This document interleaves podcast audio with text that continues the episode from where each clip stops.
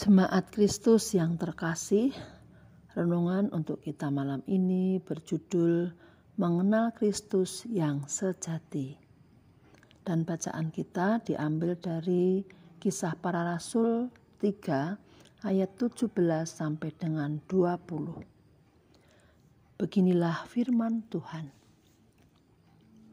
Hai saudara-saudara, aku tahu bahwa kamu telah berbuat demikian karena ketidaktahuan sama seperti semua pemimpin kamu. Tetapi dengan jalan demikian, Allah telah menggenapi apa yang telah difirmankannya dahulu dengan perantaraan nabi-nabinya, yaitu bahwa Mesias yang diutusnya harus menderita. Karena itu, sadarlah dan bertobatlah supaya dosamu dihapuskan.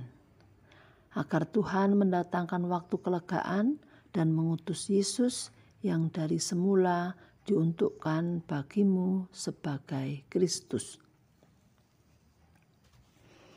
Mungkin kita pernah mendengar tentang adanya kelompok-kelompok yang mengaku sebagai seorang Kristen dan pengikut Kristus.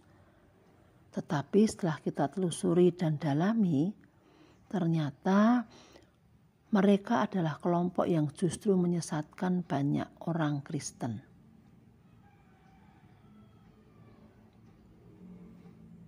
Kelompok-kelompok seperti ini kebanyakan tidak menampakkan langsung identitas mereka agar dapat menjerat orang Kristen dengan pikiran dan pemahaman yang dibelokkan. Salah satu pemahaman yang disebarkan kelompok-kelompok ini adalah menolak Allah Trinitas dan hanya mengaku Yesus Kristus. Mereka menolak Allah dalam pribadi Bapa dan Roh Kudus mereka menggunakan argumen-argumen yang membingung, membingungkan serta menjebak orang Kristen meninggalkan imannya tanpa sadar. Atau pemahaman yang sering kali diutarakan adalah bahwa Mesias atau Kristus tidak mungkin menderita.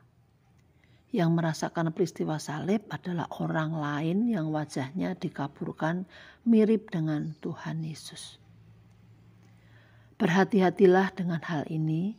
Ingatlah selalu bahwa Kristus benar-benar menderita untuk menebus dosa manusia.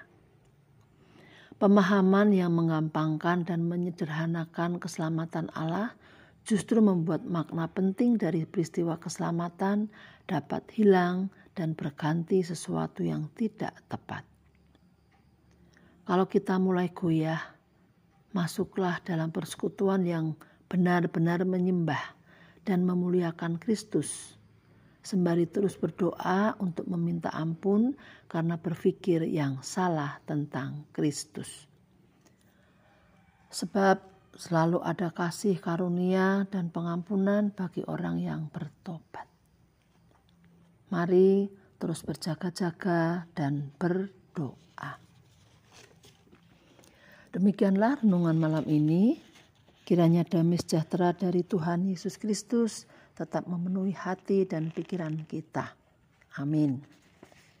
Jemaat yang terkasih, mari kita bersatu hati menaikkan pokok-pokok doa yang ada dalam gerakan doa 21 GKI Sarwa Indah. Mari berdoa.